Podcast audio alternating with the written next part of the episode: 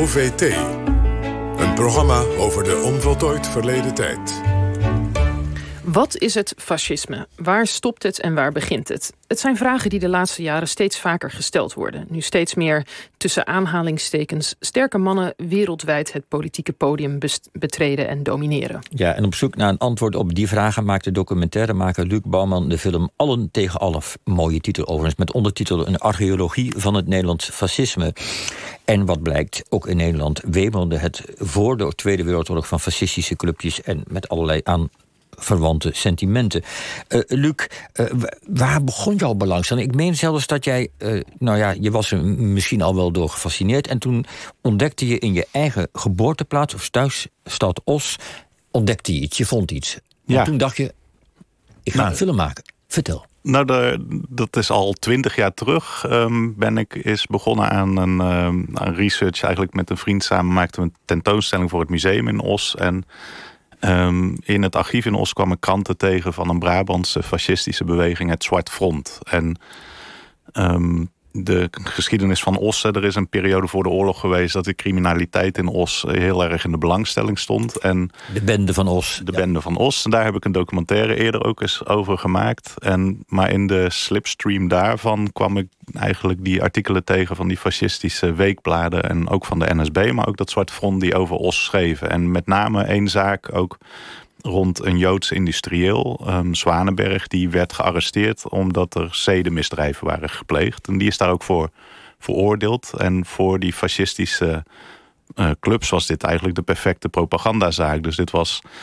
ook dat dit ze naar Os trekken en op Os gericht zijn. Ja, en die zaak is complex, want er was ook nog een uh, katholieke minister die dat eigenlijk uh, niet alleen dit, maar een hele serie aan um, even, hoe zeg je dat, serie aan gebeurtenissen in de doofpot heeft gestopt.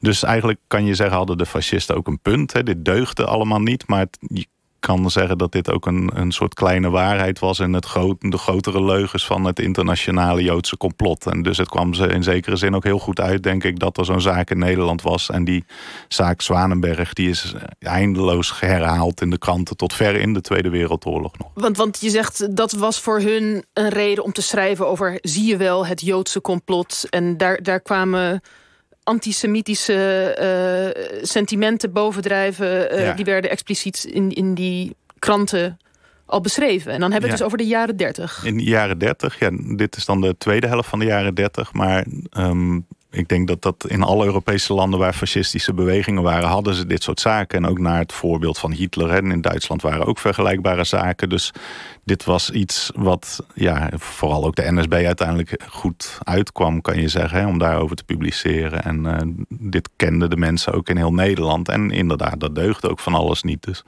Ja, maar dat is dus inderdaad opmerkelijk. Want dat is een beetje, je zou het misschien niet in Nederland verwachten. En plotseling lees je daar iets wat je ook in, in de tijdschriften uh, van uh, bladen van de naties in, in Duitsland ook kon lezen. Ja. In jouw film toon je een groot aantal professioneel historici... maar je toont ook heel veel verzamelaars van fascistische objecten en curiosa. En dat maakt het echt heel bijzonder om te zien. Mannen die fascistische speldjes laten zien, jasjes, muurornamenten... allemaal dat soort zaken, tot eh, het paspoort van Mussert aan toe. Een van die mannen hebben we nu ook aan de lijn, Joep Hafmans. Uh, goedemorgen, Joep. Goedemorgen. Van waar die fascinatie om dit soort zaken te gaan verzamelen? Ja, dat is een, uh, een vraag. Mijn interesse in, het, in de geschiedenis heeft altijd bestaan.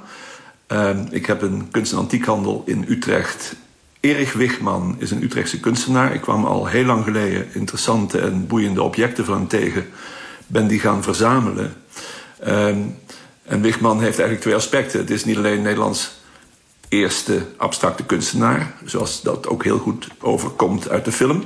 Maar hij was ook een van Nederlands eerste fascisten. En bij Wigman loopt zijn kunst en zijn politieke overtuiging door elkaar heen. En dat is een, een reden voor mij om geboeid te raken in die periode. Ik praat nu over het hele vroege fascisme van, van de eerste helft van de jaren twintig.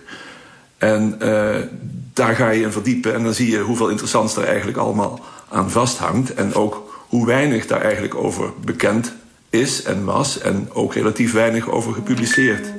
Ja, ja en, en je, is er dan ook nog iets... Uh, het heeft ook iets suspects natuurlijk, laten we eerlijk zijn. Al die verzamelaars in die documentaire die je ziet... die, die allemaal speltjes tonen en jasjes en, en petjes...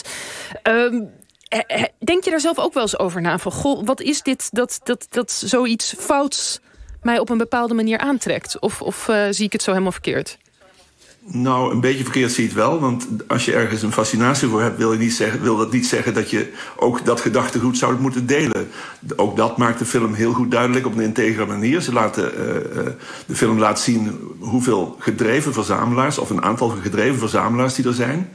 En maakt ook heel duidelijk dat dat nou niet bepaald te, te, te, te categoriseren valt onder de groep foute mannen. Althans, die indruk heb ik zeker niet. Ja, en. en uh een van de dingen waar je ook over vertelt in de documentaire... is ook ja, de karakters die, uh, die een grote rol speelden in dat vroege fascisme. En dat waren vaak merkwaardige figuren, zoals Alfred Hayton. Kan je daar iets over vertellen? Wie was die man? Ja, Alfred Hayton, dat was een, uh, ook een fascist van het eerste uur. Een man waar heel veel merkwaardigheden aan vastkleven. Uh, om te beginnen was hij multimiljonair. En hoe kwam dat? Het kwam omdat hij een bedrijf had, dat heette Lotisico. En dat was een zeer kien uitgedacht systeem van verzekeren. Je kon je namelijk verzekeren tegen een klein bedrag... tegen nieten in de staatsloterij. Dus als je niet iets won in de staatsloterij... dan kon je door bij Heten in zijn verzekering mee te spelen... toch aan het eind van de rit nog wat uitbetaald krijgen. Daarmee is die man multimiljonair geworden. Op zich al een, eh, een hele slimme man moet het dus geweest zijn. Um, deze man heeft zich uh, als ideaal gesteld om in Nederland het fascisme te brengen... en heeft zijn hele kapitaal daarvoor ingezet. Je ziet hem ook opduiken in allerlei uh, uh, clubjes. Hij is bijna bij iedere club die, die in Nederland actief is geweest in die periode... kwam Heten voorbij, tot, van het begin van de bezem tot aan het eind bij het Zwarte Nationaal Front... En Heten werd natuurlijk binnengehaald vanwege zijn centen... maar werd alom gezien als een vervelende vent. In de, in de, uh, uh, in, in, de, in de film wordt hij door een van zijn companen betiteld als viezerik. En Heten is in zoverre ook nog een bijzondere man geweest... dat hij een, een, een, een bepaalde voorkeur had. Heten is namelijk getrouwd geweest, drie maal... En in alle drie de gevallen was hij gehuwd met een vrouw die maar één been had. Dat was een speciale fascinatie van hem. En, um, maar dat wil je toch het fascisme niet als zodanig aanrekenen, of wel? Sorry? Nee, ga maar door. Sorry. nou, nou laten, laten we daarop doorgaan. Want dat, dat is wel fascinerend aan de documentaire als je zit te kijken. Je zegt een man met een obsessie voor vrouwen met één been. Je ziet heel veel uh, rare figuren. Amsterdamse marktkoopmannen die met rare pakjes rondlopen die obsessie met speltjes. Tegelijkertijd, het eindigt bloedserieus. Hè? Ik bedoel, clubs als de NSB die werken in Nederland mee aan de jodenvervolging. Hoe keek men daar in die tijd naar? Wij, ik moet zelf nu het al af en toe me erop betrappen van... goh, ik begin er bijna om te lachen. Werd er toen ook, uh, werd er toen ook al omgelachen, Luc? Ja. Um, ja, wel degelijk. Dus in de periode voor de NSB was dat ook wel de toon in de kranten vaak. Dus daar werd vaak eh, een beetje lachwekkend over geschreven. Dus een, een krant die noemde het ook geruststellend. Hè, dit zelfvernietigende mechanisme. Dat zodra er een partij opstond, versplinterde die na een ruzie weer in drie of vier andere bewegingen. Dus op de stamboom van het Nederlands fascisme die in de documentaire zit... kan je zien dat er wel 60 van die clubs zijn geweest. Moet je even uitleggen, dat is een, een ander topstuk van Joep... de stamboom van het fascisme. Hoe, hoe, hoe ziet dat eruit? Dat ja, dat is, dus een enorme stamboom die uh, al die clubjes uh, zijn opgetekend... door een man eigenlijk na de oorlog, uh, Labouchere, een NSB'er... die um, heeft eigenlijk alle bewegingen geprobeerd heel exact uit te tekenen. En dus dat heeft hij gedaan waarschijnlijk in ruil voor strafvermindering. En dus de film gaat eigenlijk over dat, dat voorland. Dus de omslagpunt, ook wanneer de toon in de kranten omslaat... is zo na 33, hè, als Hitler aan de macht is. En ook in 35 is de NSB in één keer een hele grote beweging in Nederland... waar heel veel mensen op hebben gestemd. En dan verandert ook wel degelijk de, de toon in de, in de krant. Ik denk dat dat ook wel de kern van mijn documentaire is. Dat gevoel dat iets met ja, wat lachwekkend is. Adorno heeft dat ook wel een keer over het fascisme gezegd. De, de, de, filosoof uit de, Duitse Frankfurtse Schule, et cetera. Ja, ja, Dat we, ondanks dat het lachwekkend is... en de, de grenzeloze stupiditeit van die bewegingen... wil niet zeggen dat het niet enorm kan groeien. Dus dat, ja, Ja, en, jij laat in die documentaire ook tal van fascisten horen... Hè, die in de jaren zeventig zijn geïnterviewd over hun fascistisch verleden. Heel interessant. Dat geeft een inkijkje in die fascistische beweging van binnenuit. Laten we heel even luisteren naar een opname met de fascist Jan Baars... die leider was van de Algemene Nederlandse Fascistenbond. Ik ging een weddingschap aan met een journalist. Dat heb ik met hem geweten met Tietje. Ik zei, jongen, ik zal je eens wat vertellen. Ik zal iets zeggen. En ik krijg een daverend applaus. Ik geef je knipoog, binnen 10 minuten zeg ik iets wat absoluut tegenstrijdig is eraan. En dan komt er alleen maar op meneer met welke plomp of je te staan die gooit, dus klappen nog harder. ik heb het gewonnen. Maar heb je uitdaging met massapubliek, hè? Ja, maar die staat ik ook niet hoog. En wat is het massapubliek? Het kiesvee. Ja. Het kiesvee. Ja, je hoort hier een leider die eigenlijk zijn eigen volgers uitlacht, minacht. Wat, wat zegt dat over het fascisme? Was, kwam dat vaak voor? Ja, deze man Jan Baars die werd eigenlijk naar voren geschoven, onder andere door Heten. Dus het probleem van die Heten en die vroege fascisten was dat ze kwamen voort uit de Universiteit Leiden. En dat waren gestudeerde mannen, maar het lukte hen ook niet goed om het volk uit te leggen wat ze nou eigenlijk van plan waren. En die Jan Baars was echt een populist, dus die had de gave van het woord. En had dus ook lol in het publiek bespelen. En eigenlijk die, die manipulatieve kant van het fascisme, dat, dat is toch ontluisterend als je iemand dat hoort zeggen. Van eh, kijk, ik kan dit zeggen, maar kan ook dat zeggen. Ze klappen nog harder. Dus het was ook wel zo dat Jan Baars daarmee op een gegeven moment ook van het toneel is verdwenen. Want er ja. Eh, los van die vage ideeën over een corporatieve staat en zo had hij ook niet zo heel veel te melden. Dat geluid van ik kan dit zeggen, ik kan dat zeggen, wat ik ook zeg, ze klappen toch wel, daar kun je ook heel veel succes mee hebben. Zo blijkt, uh, zo is de afgelopen jaren gebleken, ergens in een land ver weg. Maar eh, goed, even terug naar die Nederlandse fascisten. Wat, wat, wat natuurlijk toch in jouw documentaire dit is eigenlijk zo'n dubbelbeeld. Het zijn heel veel kleine knoeiers, doe-het-zelvers. En tegelijkertijd komt ook de NSB in beeld. Is het nou zo, hoe moeten we het nou beoordelen? Als de NSB niet door de nazi's was opgepakt.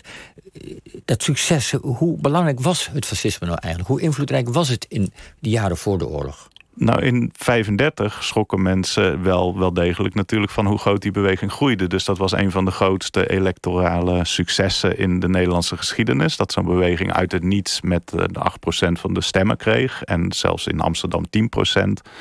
En ook misschien een beetje aangewakkerd door de successen van Hitler in in Duitsland. Um, het is wel beschreven ook dat de, de Nederlandse staat heeft daar eigenlijk best wel goed op gereageerd. In de zin van dat ze allerlei wetten hebben voorgesteld die ook in, in 37 bijvoorbeeld is de NSB alweer iets kleiner. Um, ook door de wet op de weerkorpsen. Er werd hen verboden om met vlaggen en met uniformen over straat te gaan. En daarmee is waarschijnlijk ook wel echt die beweging een beetje in het verdomhoekje terechtgekomen. Dus mensen wilden zich liever niet meer met hen associëren. En, en voor de rest is het een beetje een what-if verhaal. Want um, net voor de inval was de NSB dus niet enorm groot. Maar net na de inval zijn er enorme groepen bijgekomen. Dus Meikevers. De, meikevers. Maar ook zo'n nationaal front van Arnold Meijer. Dus zo'n katholieke fascistenleider. Die groeide met tienduizenden leden.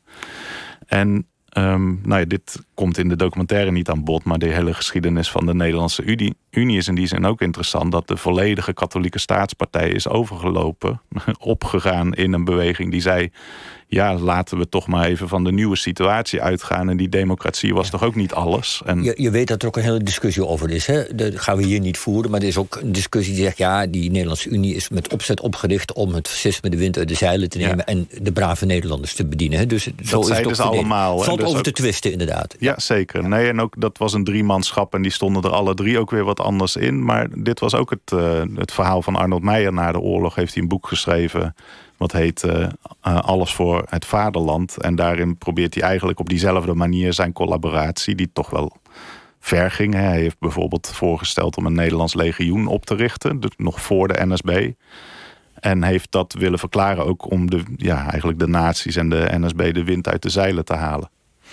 Ja, en nou ja, dat is prachtig wat, wat jouw documentaire ook toont. Inderdaad, hoe de dingen kunnen veranderen en plotseling wisselen. Want zelfs die Jan Baars wordt van gezegd, er is ook weer over te twijfelen... dat hij uiteindelijk ook weer in het verzet ging. Hè? Dus, die is wel in het verzet geweest, hoor. Maar hij heeft achteraf zijn radicalisme een beetje onder de stoelen en banken geschoven. Dus hij is net ja, voor het eind van zijn politieke carrière... toch behoorlijk radicaal ook nog even geweest. En... Ja. riep op tot oorlog, zeg maar. Precies, dus het is een, een, ja, een schizofreen zooitje wat naar voren komt in deze documentaire... en echt een prachtig uh, beeld schetst van uh, het Nederlands fascisme. Dank Luc Bouwman en jo Joep Hafmans, ook aan de telefoon nog. En we bespraken dus de film Allen tegen Allen. Die draait in de bioscoop en te zien is bij Pikkel.